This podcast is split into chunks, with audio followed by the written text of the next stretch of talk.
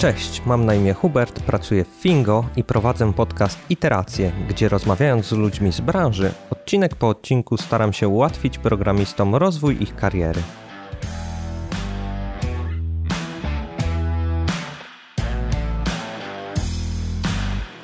Witam w dziewiątym odcinku podcastu Iteracje. Tematem dzisiejszego odcinka jest porozumienie bez przemocy. Moim gościem jest Tomasz Bagiński, trener i konsultant z wieloletnim stażem. E, porozmawiamy o komunikacji z klientem, kiedy w grę wchodzą ciężkie tematy jak e, estymacja czy spychanie na boczny tor problemów ważnych od strony developmentu. Cześć Tomek. Cześć. E, to na początek powiedz nam coś o sobie. Długo czy krótko? Krótko, znaczy, nie, bo format audycji jak chcesz, to możemy to podzielić na kilka. Dobra, to ja się nazywam Tomek Bagiński e, i na co dzień zajmuję się pracą z ludźmi w formie treningów, szkoleń, ale też e, takiego pomagania w konkretnych różnych sytuacjach. To się, niektórzy to nazywają konsultingiem, doradztwem, różnych takich rzeczach. Ja to nazywam po prostu robieniem tego, co, z, czego, z czego szkole. Tego, czym się, o, o czym opowiadam na sali, tak? Robię to też z ludźmi w ich jakimś tam życiu prywatnym albo zawodowym. E, okej, okay. ty szkolisz z porozumienia bez przemocy. Wiesz co, szkole z różnych tematów. Myśmy się akurat poznali przy takim, przy takim temacie. E, szkole z różnych tematów. Moja historia zaczęła się tam szkoleniowo bardziej od zarządzania projektami i tego typu rzeczy, ale ponieważ mam przygotowanie psychologiczne, to z czasem moja droga skręciła w taką stronę, niektórzy to nazywają miękkich tematów czy miękkich obszarów. I tutaj rzeczywiście po kilku latach no, zajmowania się tym mniej lub bardziej, mm, korzystając z takich lub innych narzędzi, trafiłem na porozumienie bez przemocy, które jak zobaczyłem w działaniu, to, to uznałem, że to jest najlepsze ever, co do tej pory znalazłem e, w takim obszarze i bardzo mocno w to poszedłem. Bardzo dużo czasu i energii zainwestowałem w rozwój siebie w tym, w tym obszarze. No i to przyniosło bardzo fajny efekt, którego dzisiaj korzystam w taki sposób, że na przykład właśnie prowadzę szkolenia z tego. A powiedz mi, w jaki sposób trafiłeś w ogóle na porozumienie bez przemocy? Bo to się nie wydaje takie proste. E, to się nie wydaje takie proste. Ja, ja, się uczę przez praktykę i to było takie to było lata, kurczę, nie wiem, jakiś 2004 rok, może piąty, coś takiego, może, może było końca szóstego, mniejsza o to. Mm, miałem dość dobrą relację z jednym z takich menedżerów e, w pewnej firmie technologicznej. Oni tam tworzyli różne rozwiązania techniczne na pograniczu inżynierii, konstrukcji pewnych urządzeń i oprogramowania, które to wspierało. I zadzwonił do mnie. Tydzień przed takim telefonem, przed rozmową z człowiekiem, który tym zespołem zarządzał, miałem taką rozmowę w domu z, z żoną i ona uczestniczyła wtedy w takim kursie porozumienia tam Dojrzewalni Róż i jakąś taki kawałek artykułu on przyniosł, ja go przeczytałem i się sobie tak przeczytałem, myślę, wow, fajne, znaczy to tak koncepcyjnie bardzo mi się podobało, bo było bardzo spójne, bardzo proste i jakoś w moim odczuciu dobrze nazywało rzeczywistość, którą ja też rozpoznaję w swoim życiu, nie, dookoła siebie, ta cała koncepcja potrzeb i parę innych elementów. I dosłownie tydzień po lekturze tego artykułu, czy też tego tekstu, zadzwonił ten, ten człowiek, że ma taki konkretny problem w, w swojej firmie, już tak będę skracał teraz, i, i, i jako rozwiązanie tego problemu wymyślili, ja, ja, ja połączyłem kropki, wymyśliłem pewną formułę pracy, pewną strukturę warsztatu i uznałem, że doskonałym wypełnieniem tego w jednym miejscu będzie właśnie ta koncepcja potrzeb, ten dialog, to wzajemne zrozumienie, te parę elementów, które gdzieś tam wyczytałem, że były, ale moja wiedza i umiejętności z tego były zerowe wtedy zupełnie. I poszukałem osoby, która już na ten dzień dysponowała tymi umiejętnościami. Tak poznałem się z koleżanką moją Anią Mis, która wtedy już już miała pewien poziom zaawansowania w tym. I razem zrobiliśmy ten warsztat. I on, wiesz co, taki gruby konflikt, który narósł przez, przez mniej więcej rok w, tej, w tym zespole, przetransformowaliśmy w jakieś, no nie wiem, dwie godziny, coś takiego, może dwie i pół. No i ja otworzyłem oczy zdumienia. Myślę sobie, o wow, to, to jest tak, to, jak to działa w praktyce. No jak człowiek widzi coś takiego, nie słyszy, wiesz, nie czyta, tylko widzi na własne oczy, co to dało, jak to wpłynęło na tych ludzi, jak to wpłynęło na tą sytuację, no to, to, to mnie wtedy uderzyło. Ja postanowiłem się tym bardzo mocno zainteresować i zacząłem uczęszczać na każde jedno zajęcie, jakie z tego znalazłem. Wtedy to były lata tak ubogie w, tę, w tą formułę, że było tylko kilka ofert rocznie. Na przykład starałem się chodzić na wszystko, co się, co się dało i potem były jakieś takie zajęcia przełomowe z konfliktu dla mnie kiedy ja zobaczyłem, przyjechał taki człowiek ze Stanów, mm, iClassater, który mm, razem ze swoim kolegą, którego wtedy tu nie było, opracowali na podstawie tego, co Marshall jakby Rosenberg, czyli twórca porozumienia bez przemocy, y, robił z sytuacjami konfliktowymi. Zrobili z tego pewną taką formułę warsztatową, pewną formułę pracy. Ja dotarłem na te zajęcia. W tych zajęciach padł taki, padła taka luźna sugestia, że właściwie dla tych, co chcą, to mogą się spotykać w takich trójkach, dwójkach ćwiczeniowych i sobie tam rozwijać te umiejętności. I myśmy to zrobili, ja z dwoma moimi koleżankami, właściwie z trzema, Spotykaliśmy się przez tam lekko ponad rok, mniej więcej raz na tydzień na jakieś półtorej godziny i to ćwiczyliśmy. I to się okazało, że to był w ogóle taki super przełomowy moment w mojej jakby nauce i rozwoju tego, bo to był okres bardzo intensywnego rozwoju, integracji tych, e, tych umiejętności. No i nagle się okazało, że po jakimś czasie potrafię bardzo, bardzo dużo. I zacząłem to wplatać w swoje działania trenerskie, które gdzieś tam równolegle do, do tej osobistej fascynacji tymi rozwojem nauczy, yy, miałem. I zacząłem to wplatać i zacząłem widzieć, że to jakby dużo lepiej odpowiada na różnego rodzaju potrzeby, które ludzie zgłaszają dotyczące różnych sytuacji.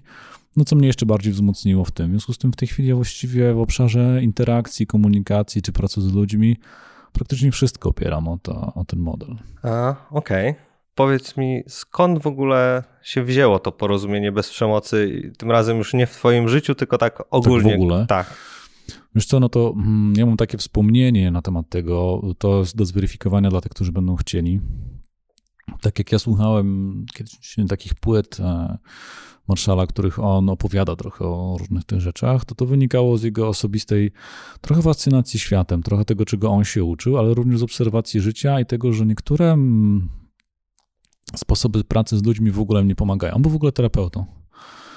I oprócz tego, że jakby osobiste dzieciństwo, on był też, miał żydowskie nazwisko, tak, i był żydowskiego pochodzenia i widział też jakby na oczy wiele dyskryminacji na różnym tle, na, z tego powodu też i zastanawiał się, jak to jest, że tylko dlatego, że na przykład ktoś właśnie ma takie, a nie inne, nie wiem, wyznanie, tak, czy pochodzenie, nagle jest przez innych piętnowany, tam wyszydzany, no z jakiegoś powodu dyskryminowany. On nie był w stanie tego zrozumieć. E, a, a, to była otaczająca go, go rzeczywistość z jednej strony, a z drugiej strony był, żył jakimś domu, który był no, przepełniony jakąś troską, miłością, widział jak się tam rodzice sobą opiekują, babcią i tak dalej. No i to jakaś była jego ciągła fascynacja życiem. Potem pracując jako terapeuta widział też nieefektywność tego, czego został nauczony. Zaczął eksperymentować i wytworzył pewne umiejętności, pewne definicje, pewne pojęcia, on nie wszystko, co jest w porozumieniu bez przemocy, jest wymyślone przez niego, no bez przesady, tak? No, nie, on słuchania jako takiego nie wymyślił. Nie wymyślił czegoś takiego jak e, obserwacja, nie wymyślił słowa potrzeba, natomiast uważam, że absolutnie unikalny sposób złożył to wszystko w pewien właśnie własny model, który w moim poczuciu jest bardzo prosty, elegancki, e, teoretycznie bardzo, bardzo prosty właśnie do opowiedzenia w kilka minut i równocześnie niezwykle uniwersalny. Jest parę osób takich uznanych, powiedzmy, rozwojowo na świecie, które też to podzielają w rozumieniu, mówią, że słuchajcie, to, to jak tego się nauczycie, to nie ma sytuacji, interakcji, w której byście byli bezczynni, nie wiedzielibyście, co macie zrobić, tak? co powiedzieć, co, co zrobić, jak się zachować, żeby, żeby mieć poczucie, że jakoś wiecie, co chcecie w danej sytuacji zrobić, jak na tą sytuację wpłynąć, czy to w swoim interesie, czy to w interesie innej e, osoby. Nie wiem, czy to odpowiedziało na pytanie, bo trochę się zamyśliłem, jak zacząłem o tym e, mówić. Tak, jak najbardziej. Chociaż mi się porozumienie bez przemocy, jak, jakby jak usłyszałem samą nazwę, to skojarzyło z jakimiś negocjacjami policyjnymi albo e, właśnie z, z, czymś takim, jak nie wiem, rozmowy z samobójcami na dachach. To w ogóle ma tam zastosowanie? Wiesz co, mo, może mieć, może mieć. E, e to jest, e, jak wiele osób, z którymi ja miałem okazję spotkać się, że to, że to jest taka niefortunna nazwa. I Rosenberg z jednej strony miał w swoim takim podejściu mm, taką, taki pomysł, żeby raczej mówić, co się chce, niż co się nie chce, na przykład, nie? że bardziej potrzebuje tego, a nie, że nie chce e, czegoś tam. I równocześnie w nazwie tak, tego swojego podejścia umieścił non-violent, e, bo po angielsku to jest non-violent communication e, i, i powiedział, że to przyświecała mu taka idea, żeby trochę podkreślić, o czym to jest. Nie? Bo żeby to nie był taki słodki język, tylko żeby nie gubić jakby z głowy tego, co to tam jest. I to się tak kojarzy się bardzo różnie. Nie wszyscy też wiedzą, jaka przemoc. No panie, to nikt nikogo nie bije, to właściwie czemu my się mamy tego w ogóle zajmować, uczyć. Raczej tu jest szerokie rozumienie przemocy, od, od przemocy słownej, psychicznej, tak, ekonomicznej, różnego, różnego rodzaju przemocy jest tu brana pod uwagę. E, zasadniczo to jest zestaw pewnych założeń, definicji, umiejętności i procesów, które wspierają po prostu dobry kontakt między ludźmi, dobrą rozmowę, tak, takie poczucie, e, że się rozumiemy, tak, w jakiejś tam kwestii, że się dogadujemy, co nie znaczy, że się zgadzamy na przykład we wszystkim, ale przynajmniej jesteśmy się w stanie porozumieć co do tego.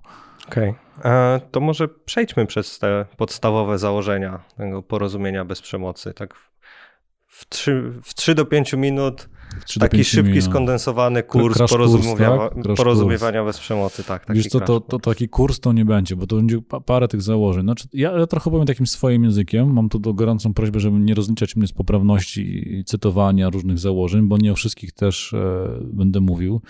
Nie o wszystkich, moim zdaniem, trzeba mówić od samego początku. Wiesz co? Mm, ja bym zaczął od takiego bardzo podstawowego, jednego z podstawowych założeń, nie? Że, które w moim odczuciu ciągle jakby znajduję jako prawdziwe. Czasami są jakieś chwilowe dyskusje w grupach, czy to jest prawdziwe, czy nie. Pierwsze takie podstawowe jest, że każde nasze zachowanie jest dążeniem, czy też próbą tak, do zaspokojenia jakiejś naszej potrzeby. I potrzebę uznajemy za pewną podstawową naszą motywację. Nie pytaj mnie, skąd są potrzeby, bo nie wiem, tak? natomiast znajduję, że że ja je mam, że wielu ludzi je ma i trochę trudno mi odpowiedzieć, skąd one się biorą, natomiast znajduję, że są w naszym życiu obecne. Tutaj taka gwiazdka, zaraz wyjaśnimy, że jest pewne określone rozumienie słowa potrzeba i nie wszystko, co możemy wkleić za to słowo potrzebuje tego, tego, tego, będziemy uznawali za potrzebę. Dodałbym, że nie zawsze to jest y, działanie uświadomione. My nie zawsze mamy świadomość, podejmując dane działanie, jaką my tak naprawdę potrzebę mm, zaspokajamy w danym momencie. No i nie zawsze to jest skuteczne, czyli nie zawsze to się udaje po prostu. Natomiast retrospektywnie, jak spojrzymy do tyłu, to właściwie zawsze znajdujemy, że aha, chodziło mi o to, tak? I na przykład to się niekoniecznie udało, nie? albo udało się.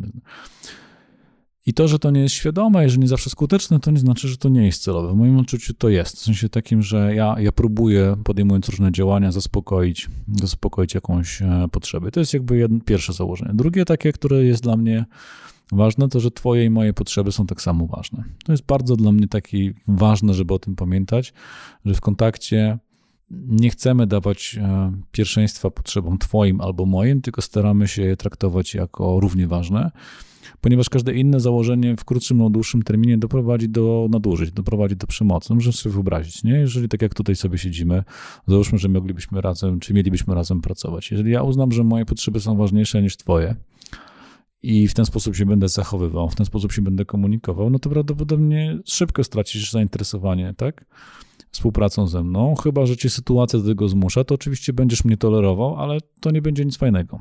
Jasne. I wykorzystasz pierwszą możliwą okazję do tego, żeby się y, zwinąć tak, z takiej relacji. Mhm. W drugą stronę, gdybym ja uznał, że twoje potrzeby są ważniejsze y, niż moje, no to ja prawdopodobnie z czasem zacznę odczuwać dyskomfort wynikający z tej relacji. Co prawda to nie ty mnie prosiłeś, tylko ja tak uznałem, no ale tak będę sobie, będę z jednej strony odpowiadał na przykład na wszystko, co mnie prosisz, nie? I będę robił i tam zgadzał się i tak dalej, ale z czasem będę czuł narastający we mnie dyskomfort, on trochę nawet może przyjmować formę pretensji do ciebie, chociaż ty temu tutaj zasług w tym nie masz, że to ja uznałem, że twoje potrzeby są ważniejsze niż moje.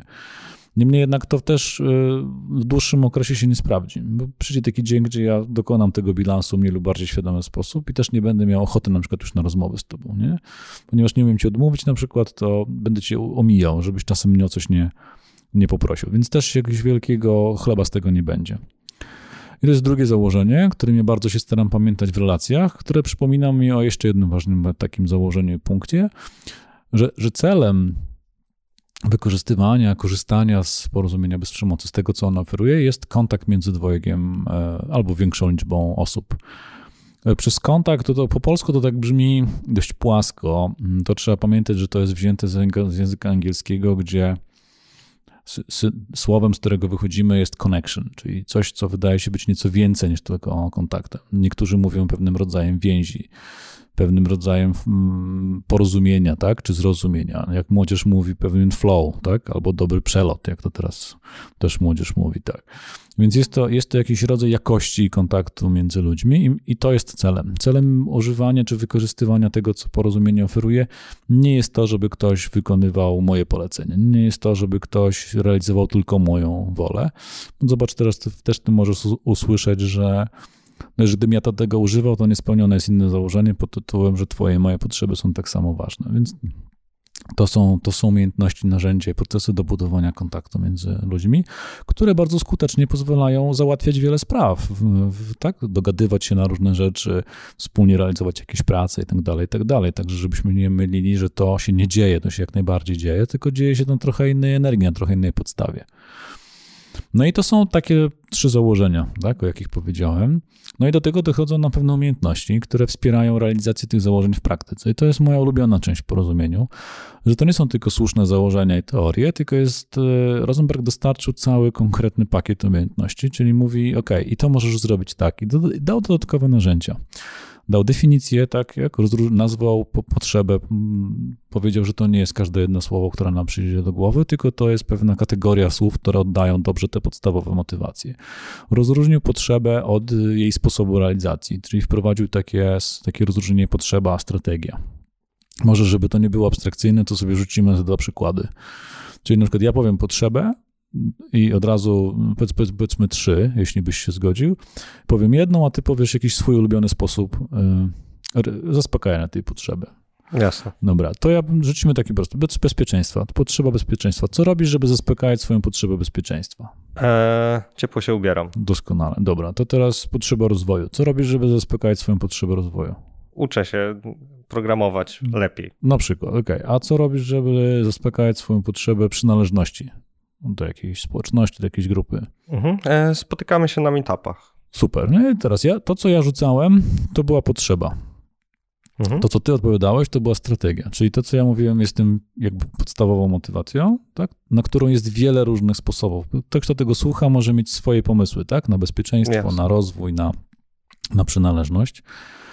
I to istotne rozróżnienie jest e, bardzo pomocne w niektórych dyskusjach, które na przykład czasami prowadzimy w zespołach albo przy jakichś tam układach, gdzie coś próbujemy wybrać, na coś się zdecydować.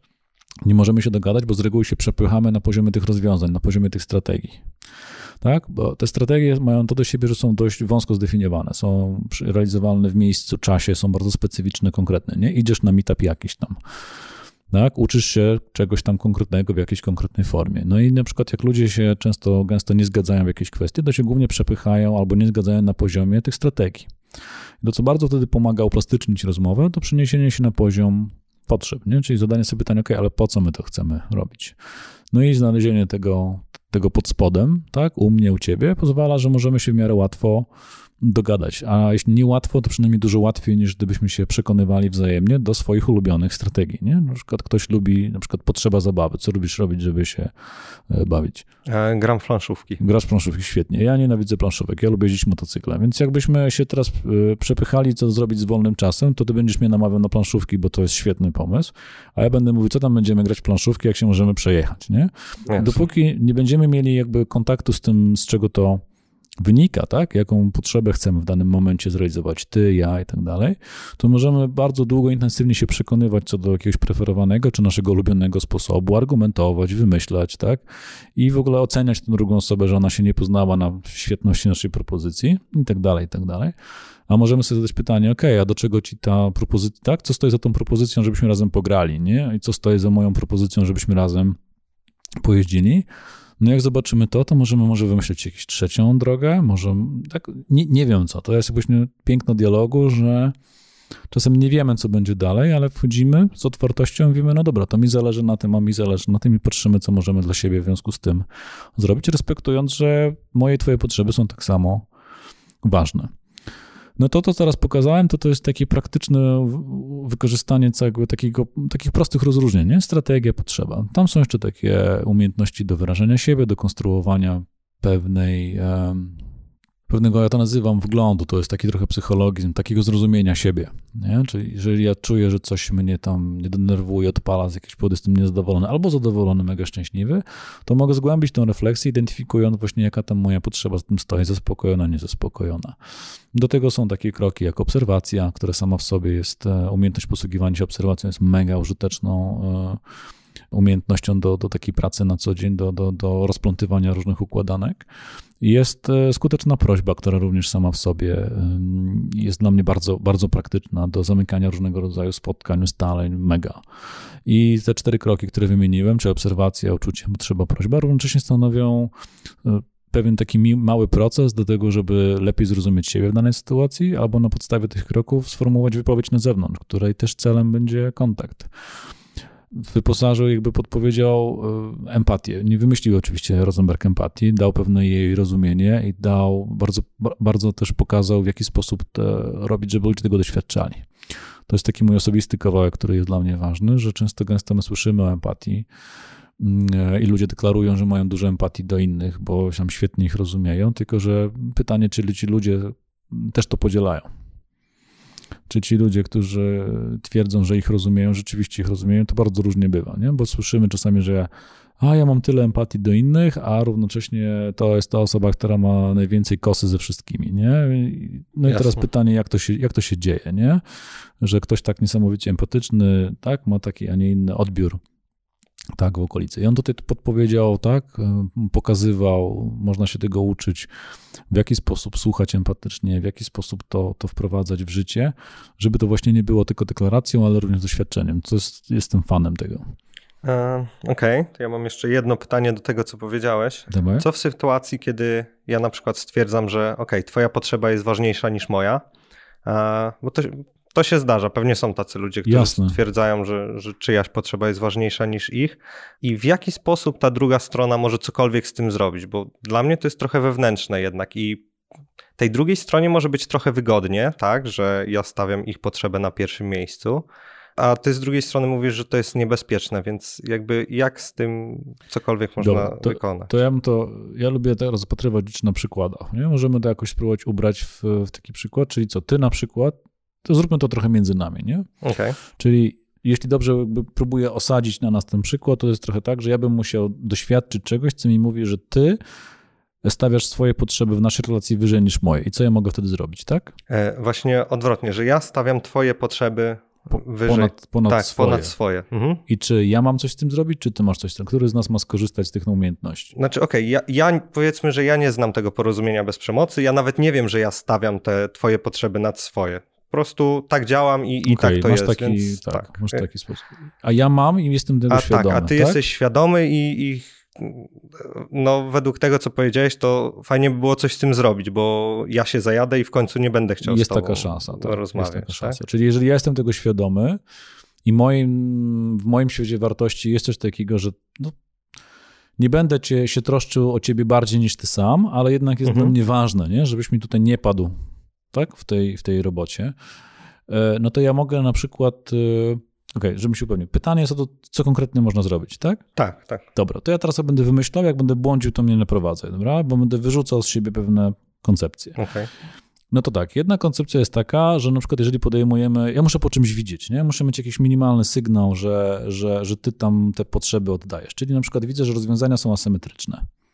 Czy cokolwiek ja nie poproszę, to się na wszystko zgadzasz. No, na przykład. Na przykład, tak. nie? Mhm. No to teraz to może być dla mnie taki sygnał. No to ja mogę zapytać, ej Hubert, nie? Bo to już jest druga czy trzecia sytuacja, gdzie mamy spotkanie, mhm. cokolwiek ja nie powiem, to wszystko łykasz, nie? I tak, nie ma problemu, zrobimy, nie ma problemu. Ja się trochę, nie, zastanawiam, czy to jest dla ciebie symetryczne rozwiązanie. Wiesz co, no generalnie to jest ok, bo jakby ja też nie chcę za bardzo wchodzić w konflikt, tutaj za długo rozwlekać te, tych rozmów. Tych tak? tematów, tak? Okej. Okay.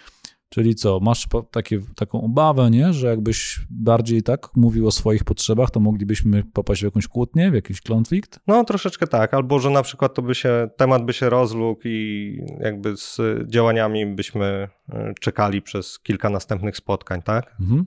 Okej, okay, czyli trochę słyszysz, że masz brak zaufania do dialogu, że jakbyś tak uczciwie mówił o swoich potrzebach, to się obawiasz, że to się odbije negatywnie albo na naszej relacji, albo na robocie.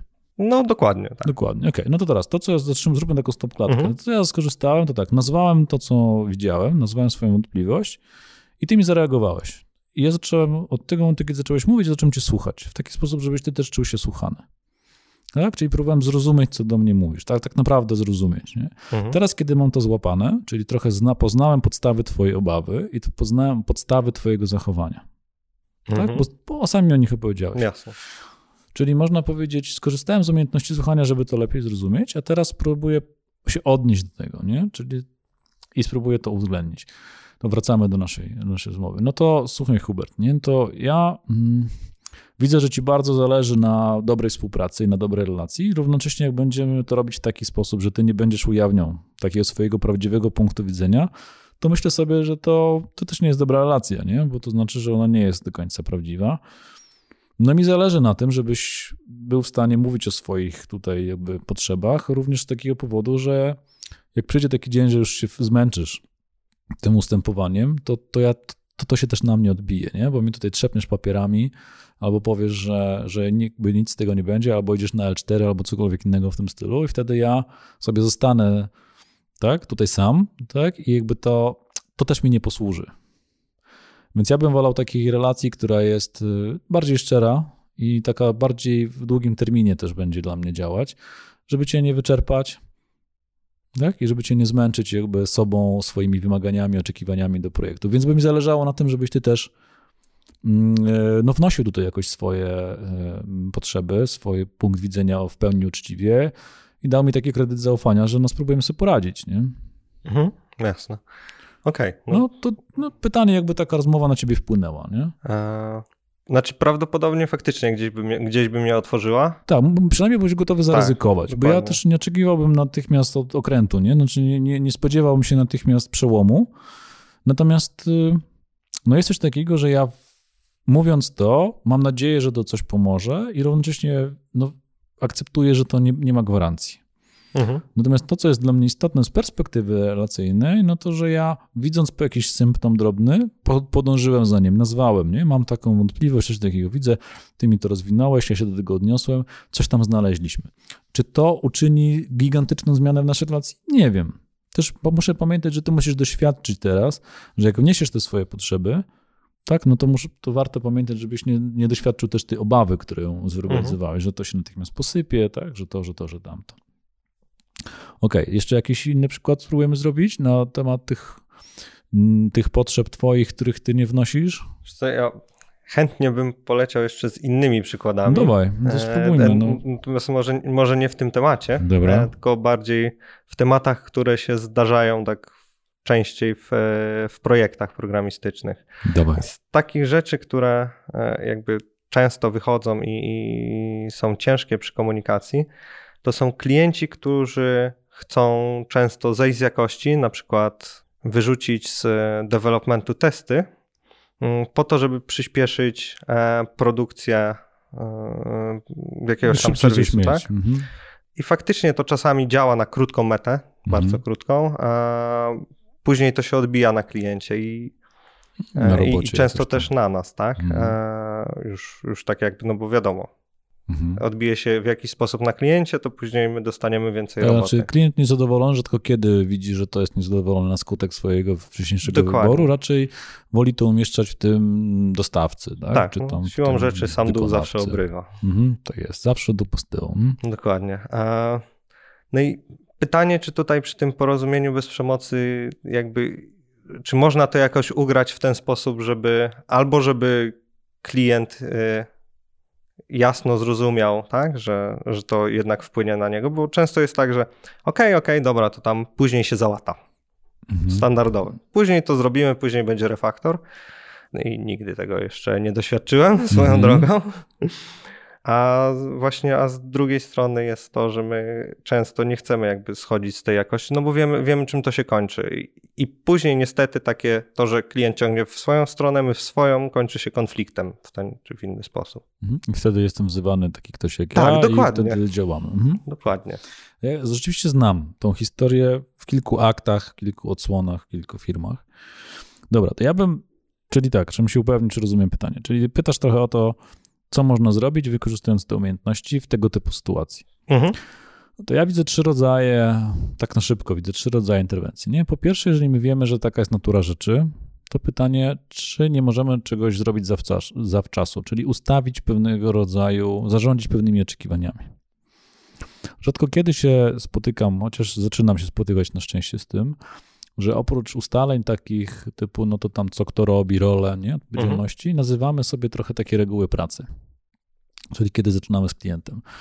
Jedną z takich reguł pracy może być na przykład, że a, pracujemy w takim frameworku projektowym albo w takiej metodyce projektowej. W związku z tym to robimy tak, to robimy tak, to robimy tak. Tutaj trochę też nie ukrywam, nawiązuję do innych doświadczeń, takich, że na przykład w świecie IT powszechnie jest takie domniemanie, że jak my pracujemy w Scrumie, to wszyscy wiedzą nagle, co to znaczy. Idziemy do klienta biznesowego, mówimy, my tam pracujemy w Scrumie, klient kiwa głową mm, mm, i nam się wydaje, że zrozumiał, zaakceptował i nie wiem, co tam, i w ogóle wie, o co nam chodzi. Dokładnie. Tak, to w ogóle to jest, to jest głęboka nadinterpretacja, nie? Znaczy klient tak naprawdę słucha tego jednym uchem, wpada, drugim wypada, mówi, no dobra, no to w czymkolwiek pracują, tak? Oni nawet mogą nie wiedzieć, czy macie na myśli komputer, tak? Czy język oprogramowania, czy, czy framework projektowy. To tak uczulam na to, że nie, nie, sprawdzamy z reguły, czy klient wie, co to znaczy. Bo to na przykład używam tutaj nieprzypadkowo Scrama, bo to jest pewien zestaw reguł. Yes. Pewien zestaw reguł, zdefiniowanych ról, tak, pewnych, pewnych cyklów, tak, różnych wydarzeń, które mają swoje, swoje przebiegi, tak, mają swoje określone standardy, włącznie czasami z czasem trwania. No i jak my się posługujemy takim skrótem myślowym, no to nam się wydaje, że wszyscy to rozumiem. Podobnie ludzie się posługują takimi skrótami myślowymi, kiedy tam się dogadują na jakąś robotę. Zawsze jest dobry moment. Zawsze jak zawiązujemy decyzję o realizacji projektu, to to jest przyjemne doświadczenie. Towarzyszą temu raczej przyjemne odczucia, wtedy uważność jest mniejsza na to, żebyś tam nie potknąć o coś w praktyce. I potem jak się potykamy w praktyce i patrzymy na początek projektu, to widzimy, a, myśmy tam nie dogadali tego, a, myśmy tam nie zadbali o coś. W związku z tym pierwszy krok to jest przed projektem. Jeżeli mamy doświadczenie, mamy świadomość, to warto byłoby je przekuć na pewnego rodzaju propozycję ustaleń z klientem, która będzie już zawczasu regulowała takie kwestie. Jeżeli to jest, wiesz, taki często zdarzający się issue, tak, to dlaczego nie mieć tego od razu y, przeniesionego w ramach jakichś lessons learned na początek e, projektu, na ustawienie pracy e, z klientem, tak? Co robimy w tego typu sytuacjach? Jaki mamy tutaj protokół działania, nie? Spisujemy notatkę, do której się potem odnosimy co? Co będzie dla nas takim prostym, praktycznym, niezbyt skomplikowanym narzędziem, które będzie to, które będzie to zabezpieczyć. Nie? To to jest jakaś jedna rzecz. I potem po prostu odwołanie się do tego. Z tym, że odwołanie się nie w sposób taki, że się tym zasłaniamy, tylko w taki sposób, że na przykład y, no jesteś tym klientem, tak, w trakcie tego, nie wiem, w którym momencie to jest, na, na poziomie sprintu, na poziomie planningu, gdzie ta, gdzie, ta, gdzie, ta, gdzie ta rozmowa o tym zjechaniu z jakości jest? Wiesz co, u nas najczęściej to się pojawiało na planningu, bo nagle przychodziło bardzo dużo zadań, które trzeba było jakoś upchnąć, tak? Mhm. O, oczywiście czas nie jest z gumy, więc no, z czegoś trzeba zrezygnować, a że klient nie chce zrezygnować z zadań, no to zrezygnuje z testów. Dobra, no to jak to jest wtedy, nie? To załóżmy, że to jest ten moment naszego spotkania, ja jestem kimś tam z zespołu, tak, programistycznego i mówię tam, drogi Xie, no bo nie wiemy, jak ten X ma na imię, kiedy ty prosisz o to, żebyśmy teraz zrezygnowali z testów i w zamian za to włożyli jakieś inne zadania, no to ja się z tym czuję niekomfortowo, mam poczucie, że naruszona jest nasza umowa, tak, z początku projektu i mam obawę, że sami zostaniemy potem z konsekwencjami, nie? Czy możemy teraz poświęcić 15 minut, żeby wrócić do tych ustaleń i obejrzeć w ich świetle, tak, to, co teraz proponujesz? Mhm. No i faktycznie, jak się ma ustalenia wcześniej, no to, to, przykład, jest, to jest to, to, to jest łatwe. Oczywiście zaraz sobie zrobimy analogiczny scenariusz, jakby tych ustaleń nie było. E, teraz tylko chciałbym to taką stopklatkę. Ja teraz użyłem tej struktury czterech kroków, czyli była obserwacja, uczucie, potrzeba, prośba. To ja wcześniej mhm. o tym wspomnieliśmy. Ja trochę zbudowałem teraz moją wypowiedź. Jak ktoś będzie chciał sobie odsłuchać, tak? Cofając ileś tam sekund, to sobie zobaczy, że tam jest ta struktura. Ja teraz jej użyję ponownie i zastosuję ją do sytuacji, kiedy tego nie, tych ustaleń nie było. Rozumiem, że też o to prosisz, nie? Tak, tak. Dobra, słuchaj, no to drogi Xie, no, pracujemy nad planowaniem e, sprintu, tak? Postuluję, żeby wyrzucić zadania związane z testowaniem, a w zamian za to włożyć zadania hmm, jakieś tam. Ja, mi się to nie podoba. Nie? Ja mam poważne obawy co do tego, jak to wpłynie na konsekwencje. Czy możemy teraz poświęcić kilka minut na analizę konsekwencji takiego ruchu, i żebyśmy zdecydowali w pełnej świadomości i ewentualnie tego, kto będzie potem ponosił konsekwencje, jakie, takiej decyzji dzisiaj, bo mam takie doświadczenie, że to się różnie kończy. Mhm. I to może teraz e, ja odpowiem tak, jak klient często odpowiada. Mhm. Wiecie co, to skończmy te zadania, które, e, które sobie nawrzucaliśmy, skończmy je szybko bez, bez testowania, a później będzie czas na refactoring. Mhm. Dobra, to, to ja odpowiadam tak, jakbyśmy byli w takim flow rozmowy, mhm. nie? To ja bym powiedział, znaczy słyszę postulat, trochę, trochę mam wrażenie, on omija to, co ja przed chwilą powiedziałem I mając na uwadze doświadczenia z refaktoringiem i z tego typu zabiegami, nalegam, żebyśmy jednak, zanim zdecydujemy, nazwali sobie przynajmniej te, te konsekwencje. Czyli zrobili sobie takie króciutką estymację, jak to będzie. Okay? To, to ile to potem będzie kosztowało, czym to uderzy i tak dalej, i czy my się dzisiaj zgadzamy na to wszystko. Okej, okay, dobra. E, mhm. Czyli generalnie tak trochę starać się doprowadzić do końca to wszystko jednak. Wiesz co, tak. Tak ja cisnąć. To, ja, no właśnie słowo cisnąć to może nie jest to słowo, którego bym użył. E, raczej bym powiedział traktować poważnie swoje potrzeby. No bo teraz tak, jakby tak retrospektywnie obejrzeć tą, tą naszą rozmowę jeszcze raz, to będzie tak, ja coś powiedzieć, ty co za, zaproponowałeś zmianę, wyrzucenie. Ja na to zareagowałem takim komunikatem, który trochę to łapał, nie? Nazywałem to, mówię, słuchaj, ja coś takiego widzę, tak się z tym mam i to proponuję. Na co ty mi powiedziałeś trochę, e, nie zajmujemy się tym teraz, zajmujemy się tym kiedy indziej. I ja tak. trochę nie tyle dociskam, co bardziej pilnuję tej mojej potrzeby, nie? I mówię, ej, ej, ej, ale to, co teraz proponujesz, zajmiemy się tym, to też mi jakby nie odpowiada. W związku z tym ja jednak proponuję, żebyśmy teraz na to poświęcili chwilę, bo moje doświadczenia mi mówią co innego. I mniej to jest o dociskaniu, bo to mi się kojarzy jednak trochę z wykręcaniem rąk i z takimi rzeczami, które nie są e, blisko bez przemocy, mhm. tylko raczej z pewnym traktowaniem serio swoich potrzeb. I zauważam coś takiego, e, nie zabrzmi to kurde najlepiej, nie? ale jakby wśród niektórych ludzi, którzy siedzą w tym obszarze IT, tak, developmentu i tak dalej, taką relatywnie niską śmiałość do tego, żeby właśnie tych swoich potrzeb pilnować. Albo zauważam kozaków, nie? czyli ludzi, którzy są w miarę dobrze tak, spozycjonowani, pewni siebie, ale oni z kolei szarżują w drugą stronę, to znaczy w ogóle nie słuchają nie? klienta. I to jest, żadna z tych postaw nie jest zdrowa, bo to trochę jest nasza wcześniejsza dyskusja o pierwszeństwie potrzeb. Nie? Jeżeli są tacy, którzy mówią, to my klienta mamy w dupie, pójdziemy sobie gdzie indziej i tak dalej, to to jest, moje potrzeby są ważniejsze niż, a są tacy, którzy szybko odpuszczają swoje, żeby dać tego klienta.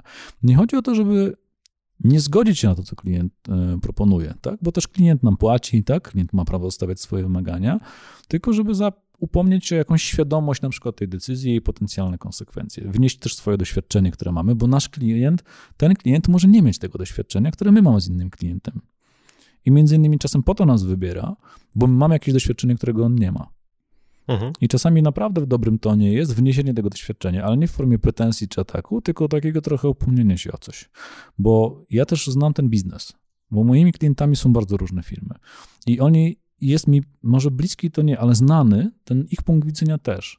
I naprawdę z ich strony to inaczej wygląda. Oni naprawdę nie wiedzą, kiedy rozróżnić marudzenie od rzetelnego, rzetelnej informacji zwrotnej. Też dlatego, że często gęsto ta informacja nie jest jakoś klarownie powiedziana że, że jakbym tak trochę chciał, żebyśmy spojrzeli na to szerzej, powiedzieli, to nie ten klient nas zmusza, to my nie potrafimy zatrzymać tego klienta. To my nie potrafimy uargumentować tego, że to należy zrobić inaczej. Bo jak klient taki z biznesu, jakiś product owner przychodzi i mówi, no dobra, to tak, tak, tak.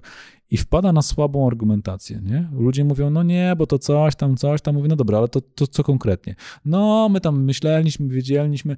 No to dla niego to nie jest argument, nie? To mówi, myśli, nie? Mówi, a tam marudzą, nie? Trzeba tam docisnąć temat, nie?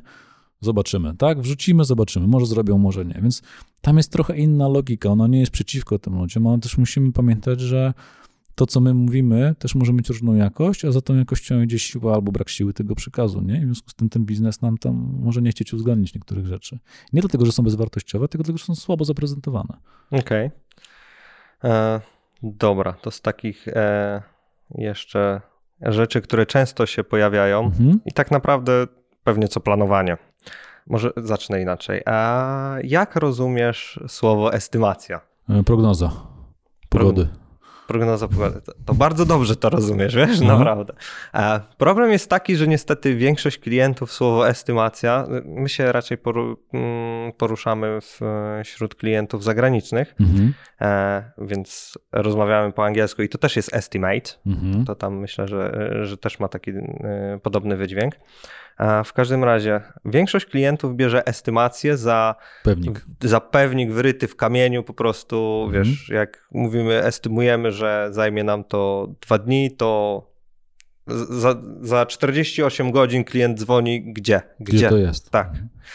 I może jakby mógłbyś podpowiedzieć, w jaki sposób delikatnie zakomunikować klientowi, że jednak estymacja to jest estymacja. Znaczy, jeżeli trochę się zaśmieje, nie? Znaczy, jeżeli klient nie rozumie tego pojęcia, to tłumaczenie tego pojęcia tym pojęciem nie będzie no, wiele zmieniać. Tak, no W związku z tym E, dobra, to ja widzę, wiesz co, jak, jak, o tym rozmawiamy, to mi się wyświetlają trochę dwie warstwy logiczne odpowiedzi. Pierwsza to jest z poziomu komunikacyjnego, czyli z tego tematu, o którym rozmawiamy i od niej zacznę. Druga to jest, że powiem, z poziomu logicznego i też zaraz o tym chętnie, chętnie powiem. Czyli z perspektywy komunikacyjnej. Jeżeli jesteśmy ja i ty, czyli jesteś klientem, ja jestem tak po stronie dostawcy, tak, usług. Mhm. Wszystko jedno, czy jestem ze sprzedaży, z firmy IT, czy jestem z teamu. Jasne. I, za, I zauważam na przykład tak, że w naszej współpracy ty się, ty, ty, ty estymację traktujesz jako y, zakontraktowanie, mhm. a ja bym chciał, żebyś traktował inaczej. Dokładnie, no taka sytuacja. Okej, okay. i teraz jeżeli widzę, że to nie gra w naszej współpracy, to pierwszy krok polega na tym, że ja to potrzebuję klarownie włożyć w rozmowę. Nie? I mówię, panie Hubercie, myśmy tam wyestymowali pewne, pewne zadania, tak, że one będą tam tyle i tyle trwały, no i mniej więcej, dokładnie wtedy, kiedy ta estymacja się skończyła, to pan dzwoni i pytanie, gdzie to dokładnie jest. Jakby to mi trochę podpowiada, że chyba nie, chyba inaczej rozumiemy słowo estymacja, nie? Czy może pan powiedzieć tak naprawdę, jak pan to rozumie? No mniej więcej tak, że skoro mówicie, że estymujecie, że jedno zadanie wam zajmie dwa dni, drugie zadanie zajmie wam dwa dni, trzecie zadanie zajmie wam jeden dzień, no to na koniec tygodnia zobaczę skończone te trzy zadania. Mhm. Czyli dla pana estymacja to jest, daje panu taką przewidywalność. Jak mówimy dwa dni to, dzień to, dwa dni tamto, to, że tam pan to zlicza do kupy, nie? I mówi pan, tak sobie pan wewnętrznie, tak? Kalkuluje. Tak to panu daje, kiedy to się spodziewać wyniku. Jasne, bo ja, ja wiem, że wy na pewno sobie dajecie jakąś górkę, więc... Bufor, nie? Tak, Taki, tak taką poduszeczkę taką na ochronę terminu. Okej, okay, dobra. To, to fajnie, że pan to powiedział, bo to pokazuje, że trochę inaczej rozumiemy to słowo. Ja bym chciał panu teraz powiedzieć, jak ja rozumiem mm, tą estymację. To do, dobra? Mhm. No, to, to, to, wie pan co, to u nas to wygląda tak, że jak my estymujemy, to jest takie trochę założenie i ono może być prawdziwe, może, może być nieprawdziwe.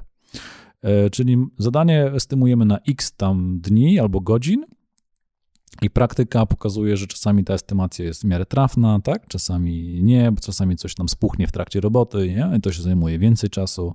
Czasami coś trwa, jest prostsze, trwa krócej. W związku z tym estymacja to jest tak trochę, że my sobie zakładamy, że to mniej więcej tyle powinno zająć, natomiast zawiera w sobie pewien margines na błąd. Czyli zadanie możemy oddać przed albo po, po terminie. W związku z tym estymacja powinna dawać ogólne wyobrażenie, kiedy to będzie, ale tak naprawdę nie jest wyznacznikiem zakończenia terminu i nie jest kontraktacją w sensie właściwym.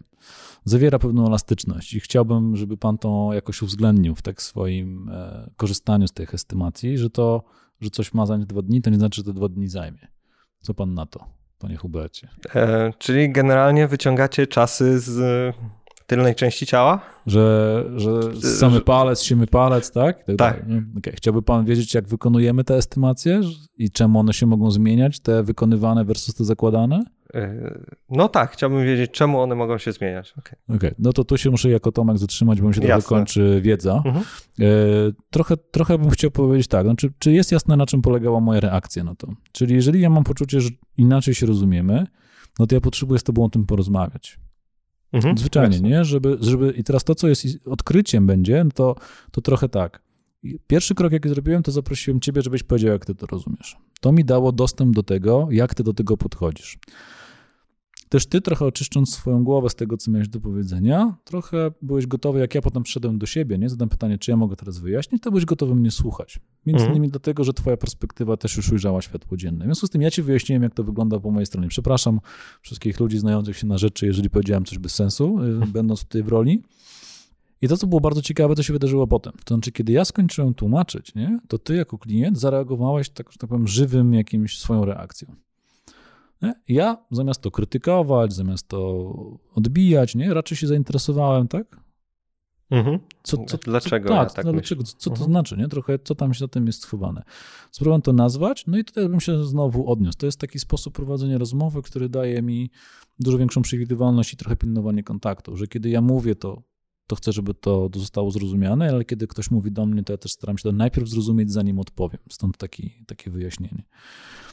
I tu możemy sobie po prostu rozmawiać. Ty mi możesz mówić swój punkt widzenia, go będę rozumiał, będziesz mi zadawał pytania, ci będę odpowiadał. W końcu, w końcu utrzemy jakieś rozumienie, mieć mhm. rozumienie, a być może dotrzemy do tego, że skrót ze świata IT, że estymacje to są estymacje i wszyscy wiedzą, co to znaczy, wiedzą, jak z nich korzystać, jest pewnym błędnym założeniem.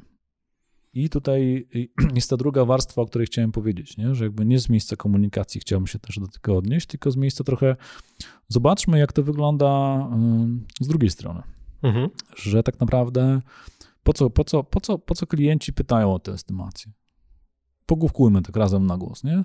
No, bo pewnie chcą sobie przygotować jakąś roadmapę, e, powiadomić klientów, kiedy no, coś będzie chcą i tak coś dalej. założyć, no, tak? Chcą mieć jakieś przewidywalności, chcą przewidywalności terminowej, chcą przewidywalności budżetowej, tak? Bo mhm. zakładają trochę, że jak wy to robicie na co dzień, wy się na tym znacie i tak dalej, no to to to nie jest za każdym razem robienie iPhone'a od zera, nie? To jest raczej... E, no tak, tak. E, tak, w związku z tym można powiedzieć, że w pewnym sensie jest niezrozumiałe z perspektywy klienta, jak ludzie, którzy zajmują się czymś latami, nie? Znają się na tym i tak dalej, mają jakieś kłopoty z wymyśleniem, ile czasu zajmie coś tam. I to jest jeden element. Drugi element to jest trochę to, co sam powiedziałeś w roli, w roli tutaj klienta, że wy tam macie tam te czasy, to siecie palec i tak dalej. Czy na przykład Okej, okay, to, że coś jest estymacją nie zawsze jest trafione, to jedno, ale czemu na przykład coś się rozjeżdża raz o 10%, a raz o 90%? Ja zaczynam wtedy wątpić w kompetencje tych ludzi, którzy to estymują, no bo mhm. te estymacje, ja bym powiedział na bazie znajomości swojej rzeczywistości, że mm, one, one, one mają prawo odjechać, ale wydaje się, że nie powinny raz odjeżdżać o 10%, a raz o 90%, że jakieś jest wahnięcie, Plus druga, plus kolejna rzecz, jaką trochę jako klient powiedziałeś, że wszyscy klienci zakładają, że tam są bufory. Znaczy ja to tak już, wiesz, no tak, pojechałem tak, wszystkimi naraz ale możliwościami. Dobrze, nie, bardzo Także... dobrze, bo klienci wiedzą, uwaga, z buforami to jest w ogóle trudne zagadnienie, bo tak naprawdę tam są bufory. E, jasne, tak. Oczywiście są. Kłopot jest taki, że one są niejawne. A jak one są niejawne, to nie podlegają zarządzaniu. Tadam. Mhm. I odkrywamy zupełnie, i to już jest spoza porozumienia bez przemocy, to jest, to jest bardziej wzięte z modelu te, teorii ograniczeń, że niejawny bufor nie podlega zarządzeniu. I, I wtedy to jest trochę taka gra w kotka i myszkę. Znaczy, ja wiem, że ty sobie będziesz dodawał bufory, no bo jest nieprzewidywalne, coś się może wydarzyć, tak? tak, tak Jasne. Tak dalej. W związku z tym, żeby się upewnić, że moje pieniądze będą dobrze wydawane, będę cię cisnął. Mhm. Ty wiedząc, że będziesz ciśnięty, będziesz dodawał bufory. I tak. gramy w kotkę myszkę. Tak, i wszyscy tak robią. To jest kłopot wtedy, kiedy bufor jest niejawny. Gdyby bufor był jawny, podlegał zarządzaniu, to ja bym wiedział, jaki jest w ogóle margines błędu, bo bufor wtedy by wynosił ileś. Ileś procent, tak? Ileś dni w stosunku do, mhm, do, czasu, do czasu tak zwanego agresywnego. I wtedy byłoby też jawne, ile, ile go jest zużyte i na co, tak? Ile na które zadanie, tak? Poszło danego, tak? Tego bufora. Mhm. Ile jest, czy ja dostanę pracę przed terminem, czy po terminie. To jest w ogóle szersza dyskusja, y, bo to jest tak zwany czas, ludzie, którzy estymują czasy w takim tradycyjnym modelu, dają tak zwany czas D90, czyli prawdopodobieństwo oddania 90%.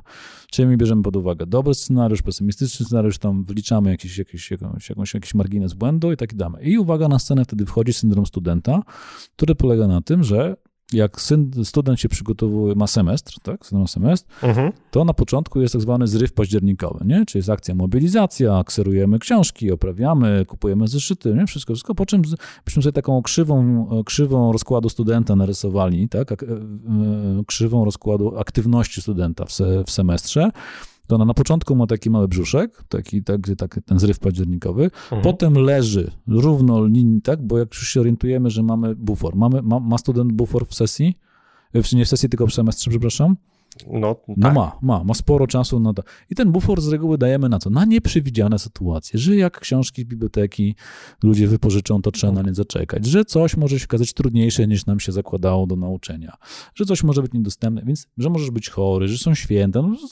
wszystko to jest uwzględnione tak, żebyś mógł się uczyć, że jak się będziesz uczył w miarę równomiernie i tak dalej, to czasu ci starczy na wszystko. Tylko nikt się tak nie uczy. W związku z tym najpierw aktywność jest bliska zero. Na początku jest ten mały brzuszek, potem aktywność jest jakby bliska zero albo w ogóle poniżej, tak? bo zapominają niektórzy nawet na uczelnię docierać.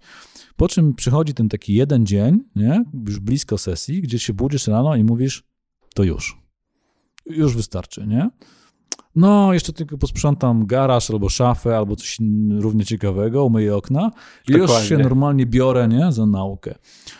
No i oczywiście wtedy ten wykres eksponencjalnie wystrzeliwuje w górę, tak? Wszystkie ręce na pokład, w ogóle nie śpimy, tak? Nie to, nie to, nie tamto, świat inny nie istnieje, jest nauka. I oczywiście wtedy, kiedy ta nauka się zaczyna, to nam się wydaje, że my zaczynamy w ostatniej możliwej chwili, tylko wtedy się pojawiają w praktyce te wszystkie trudności, na które był ten bufor. Idziesz do biblioteki się okazuje, że ci wszyscy gamonie nie oddali tych książek. Jesteś zły, jak to w ogóle można nie oddać tej książki, przecież kto to widział i tak dalej, i tak dalej. I kto to widział, kto, to, kto by pomyślał, że tuż przed sesją wszyscy nagle te książki, tak? Nie dziwne. Zupełnie, zupełnie nie do przewidzenia w ogóle, nie?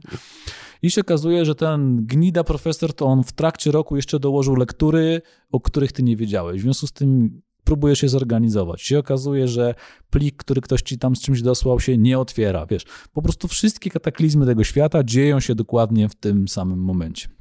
I to pokazuje, jak my korzystamy z bufora. Jeżeli bufor jest niejawny, jest, to my mamy tendencję nie do równego rozkładania pracy, tylko do odraczania pracy do ostatniej chwili. I równocześnie ten, kto wie, że bufor jest, wie, bo on też był studentem, w związku z tym uruchamiamy ściścinanie bufory i gramy sobie w taką kotkę i myszkę. I to, co jest alternatywą do tego modelu, to w ogóle jest metodyka łańcucha krytycznego, którą Goldratt e, e, opracował na zarządzanie projektami, niezależnie czy to są projekty waterfallowe, tak, czy bardziej zwinne to jest do zastosowania. To jest pewien model, który mówi, że Skracając, nie? Pracujemy w oparciu o czasy agresywne, czyli optymistyczne, czyli takie, że zakładamy pozytywny scenariusz i dodajemy jawny bufor w 50, 50% sumy czasów optymistycznych. I dzięki temu zyskujemy transparentność dla klienta, tak, dla zespołu, częste statusy, czyli to, co jest na przykład w Scrumie, tak, jest jakby normalne, e, też jest stosowane. I wtedy utrzymujemy tempo pracy, tak, ale w oparciu o optymistyczne, tak, albo niektórzy mówią agresywne założenia. I mamy prawo tego bufora użyć oczywiście, Natomiast e, monitorujemy jakby jawnie jego zużycie, tak? Na które zadania, ile czasu poszło i tak dalej, i tak dalej. I to w ogóle przyspiesza w ogóle realizację projektów. Ten czas, jakby ktoś policzył czasy te zbuforowane po cichu, a policzyłby czasy na takiej samej liczbie zadań, na tak ładnie takie same zadanie, policzyłby czasy agresywne, czyli takie, gdzie wszyscy mówią, jak wszystko dobrze pójdzie, to i dodał do tego 50% e, bufora, to wyjdzie mu mniej nominalnie, łącznie to można przeliczyć na jakimś przykładzie, jakby ktoś bardzo chciał. Czyli ten przykład był po co? Po to, żeby zrozumieć, że perspektywa klienta też jest, też jest uzasadniona. Klienci potrzebują wiedzieć, kiedy otworzą sklep, kiedy oddadzą coś na rynek, tak? kiedy będą mogli coś obiecać. Potrzebują przewidywalności kosztów i znają syndrom studenta, bo każdy był przysłowiowym studentem. W związku z tym trochę, jeżeli ten bufor, ten margines jest niejawny, to albo ludzie spekulują, na co on będzie wykorzystany, tak? albo on rzeczywiście go wykorzystują w pełni wtedy, bo wtedy, zwróć uwagę, u studenta ile by tego bufora nie było, to i tak go będzie za mało. Bo sposób z jego korzystania powoduje, że on nie spełnia swojej funkcji. I oczywiście ja nie twierdzę, że wszyscy wszędzie tak robią, tylko raczej pokazuję, że, że patrzymy na tą samą rzeczywistość totalnie z dwóch różnych punktów widzenia i czasami się w narzędziu nie spotykamy, bo narzędzie na przykład dobrze działa dla jednego, ale nie dobrze działa dla drugiego. Czyli wracamy do naszego perspektywy pierwszej komunikacyjnej. Twoje i moje potrzeby nie są tak samo dobrze uwzględnione. Gdybyśmy chcieli zastosować tutaj podejście dialogowe, to potrzebowalibyśmy nie tyle się upierać przy estymacjach, tylko usiąść z klientem do stołu i porozmawiać, dobra, jaki sposób, jaki sposób wyceny czasowej, jaki sposób wyceny kwotowej, jaki sposób planowania prac da wam poczucie, że wasze pieniądze i czas są szanowane i że my naprawdę jakby dla was pracujemy, a nie dubiemy sobie w nosie w tym czasie, nie? I zamiast się przepychać, nie? znaleźć jakby wspólną przestrzeń do zrozumienia i znaleźć takie lub inne rozwiązanie. Można skorzystać z gotowego rozwiązania, a można skorzystać z czegoś, coś, na coś się umówimy. To, co jest, moje doświadczenie jest takie, już sama taka rozmowa, ej, widzimy, że wam się to nie sprawdza, nie? Te nasze estymacje, a dla nas to działa tak, a co dla was jest ważne? A dobra, a dla nas to, jak możemy to połączyć? Nawet jeśli nie wymyślimy nic nowego, to już sama ta rozmowa odczarowuje w ogóle atmosferę dookoła estymacji, albo wprowadza zrozumienie, tak jak ta pogawędka sobie o estymacjach, którą sobie ucięliśmy. Ona po prostu wprowadza zrozumienie, jak to jest dla ciebie, jak to jest dla mnie i z tego miejsca wspólnienia możemy, możemy działać. To naprawdę nie jest aż takie trudne, nie? tylko nie można się tego bać, a większość ludzi się tego boi. Jasne, zgadza się. Żeby nie było, my mm. nie wykorzystujemy od razu tego bufora. Tak, tak, tak, tak, tak. No. Nie, ja nie mówię, że ktoś go wykorzystuje, tylko też też powiedzieć, zwróć uwagę, że to jest silniejszy od nas. No tak, zgadza się. To jest silniejszy od nas. My nawet, my nawet czasami nie myślimy, że wykorzystujemy, jak wykorzystujemy taka dygresja, ale zostało w pewnej firmie wdrożone takie rozwiązanie do, do projektów, to nie były projekty informatyczne, i przesz, przesz, przesz, przeszedł cały zespół na planowanie mm, takie agresywne, nie? czyli jakby optymistyczne czasy, czyli mhm. po, pościnali te bufory lokalne, tak? Zrobili sobie bufor y, globalny, tak? Na całym projekcie, na wszystkich zadaniach i zaczęli pracować. No i się okazało, że oczywiście kończą przed wykorzystaniem całego buforu, nie wykorzystują całego, ale to jest jeden efekt. Ale drugi efekt, to się okazało, że przy pewnej powtarzalności prac się okazało, że te czasy, które w pierwszym momencie uznali już za pozbawione tych poduszek, pozbawione tego bufora, te takie agresywne, mhm. się okazało, że ciągle jeszcze zawierają w sobie jakieś tam marginesy, nie? Czyli nawet mimo, że myśleli, że one są agresywne, to, czy też optymistyczne, to się okazało, że ciągle one jeszcze miały jakiś tam zapas. I jak ci ludzie przeszli na inny model pracy, czyli na przykład jak zadanie od razu wjeżdżało, to się od razu za, od razu za nie brali, to też jest redukcja wielozadaniowości i parę innych elementów, mhm. to się okazało, że tam jest jeszcze rezerwa. Nie? Więc my nawet czasem nie wiemy, że my mamy bufor i że z niego korzystamy. To jest pewien aspekt opisujący ludzką naturę i nie ma co z nim walczyć, tylko trzeba go uwzględnić. Jasne, okej. Okay. Te wszystkie książki, strony to podlinkujemy. E, możemy, tak. Znaczy, to myślenie bierze się z teorii ograniczeń. To jest taki mhm. drugi model myślowy, którego ja mam w życiu dostęp. E, mam tą szczególny przywilej, że jestem jednym z współwydawców jakby książek Goldrata. I to jest obszar mojego zainteresowania od dawna i uważam, że facet był geniuszem jakby w swojej dziedzinie i to konkretnie Goldratt jakby przeanalizował środowisko zarządzania projektami, znalazł jego nieefektywność i opracował rozwiązanie, które się nazywa łańcuch krytyczny, które ja tutaj na skróty i nie wprost próbowałem opisać. Jasne, okej. Okay. E, dobra, ja zawsze o to pytam.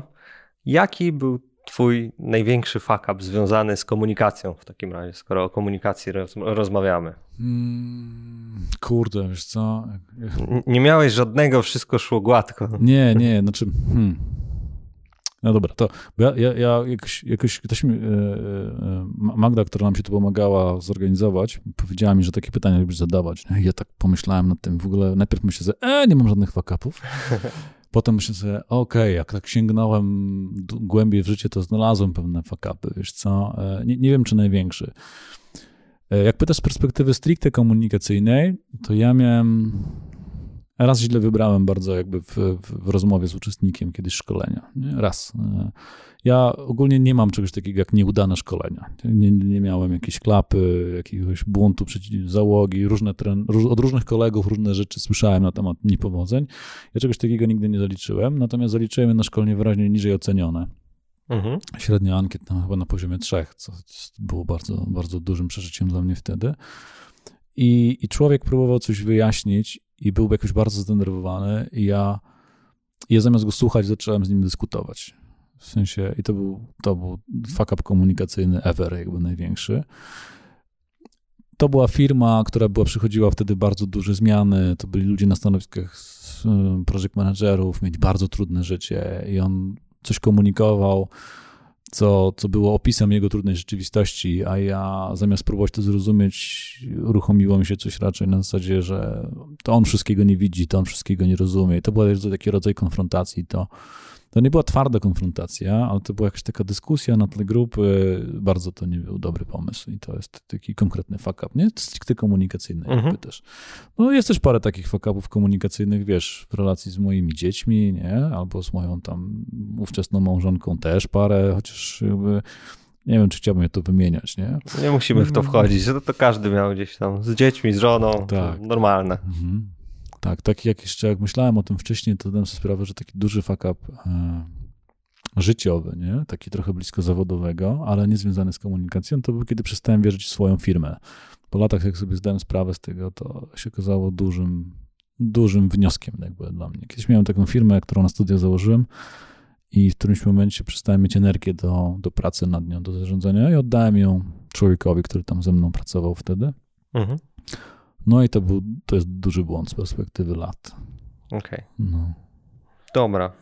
To tak kończąc i podsumowując, e, może e, chcesz słuchaczy zostawić z jakąś jedną myślą albo jakimś takim zestawem myśli do przemyślenia, podsumować, powiedzieć coś, czego nie poruszyliśmy? Wiesz co, jak sobie pomyślę, że mm, tak sobie imaginuję, kto będzie tego potencjalnie słuchał, że to też są ludzie z waszej branży, to kilka takich myśli, które chciałbym zostawić, to mm, no, że moim zdaniem zainteresowanie się, jak rozumie, cokolwiek druga strona, to jest w ogóle klucz do rozwiązania wielu sytuacji.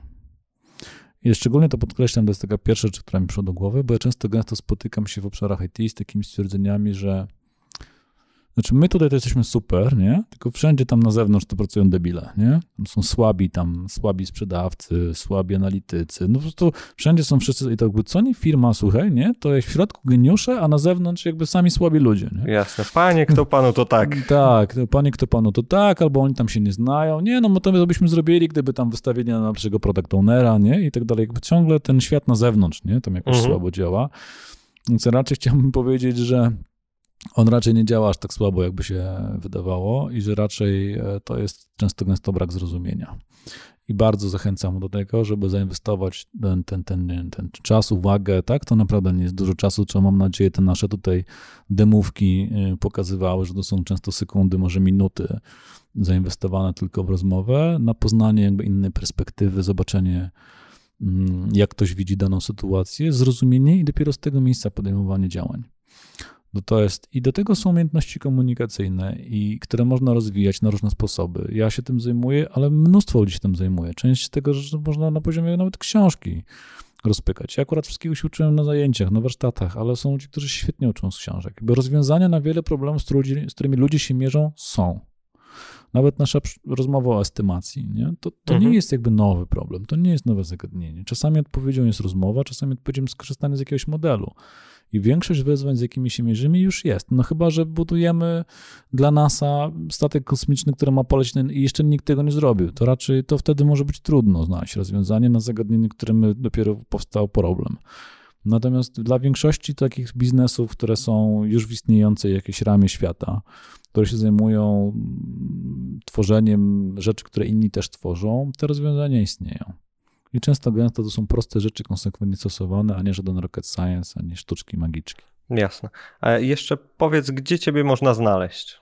O, słuchaj, gdzie mnie można znaleźć? Taka dygresyjka będzie, nie? Mnie jest trudno znaleźć w internetach, bo ja mam to samo imię i nazwisko, to taka moja słynna kopia, nie? który tam stworzył katedrę i w ogóle Wiedźminę teraz i w ogóle strasznie trudno, więc ja mam swoją stronę internetową, www, to się tak ładnie mówi, już dawno mm. tego nie bagiński.consulting i tam jest jakaś taka moja wizytówka z jakąś tam moją ofertą. Tam będą też linki z czasem do podcastów, do różnych materiałów, które ja zaczynam wypuszczać e, od jakiegoś czasu. Już zaufałem swojemu doświadczeniu i swoim kompetencjom. Tworzę pewne materiały, będę je upubliczniał, będę, właściwie dużo z tego będzie do pobrania za free za jakiś czas. Tylko one się muszą wygrzać trochę, e, żeby osiągnęły jakąś taką zamkniętą formę polecam, jak kogoś będą interesowały na przykład rozmowy jeden na jeden, które w tej chwili rozwijam, produkt online'owy będę tworzył. W związku z tym z czasem będzie tych informacji więcej. Będą też na moich podcastach dostępnych na Spotify. Tam to się nazywa 30 minut Bagińskiego. I, I, będzie te parę takich miejsc. Wszystkie będą na stronie, będą odnośniki. W związku z tym tam to jest naj, najprostsze miejsce, żeby szukać. No i LinkedIn też jest takim miejscem, gdzie tam oczywiście siłą rzeczy można mnie znaleźć i tam się zakolegować jeśli można to nazwać kolegowaniem, by, bycie znajomym na LinkedInie.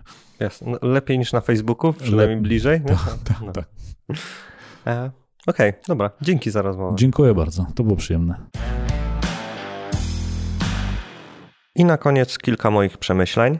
E, uważam, że zmiana sposobu komunikacji z klientem na ten przedstawiony przez Tomka e, przyniesie wymierne korzyści, a z drugiej strony z doświadczenia wiem, że tego typu zmiana, która powoduje, że przejmujemy odpowiedzialność za komunikację e, i zwiększamy asertywność, nie jest wcale taka łatwa. W notatkach do odcinka na stronie iteracje.fingo.pl przez 9 e, znajdziesz odnośniki do stron, na których można znaleźć Tomka oraz do materiałów, które poleca. Jeżeli nie chcesz przegapić kolejnego odcinka, kliknij subskrybuj lub obserwuj w swoim odtwarzaczu.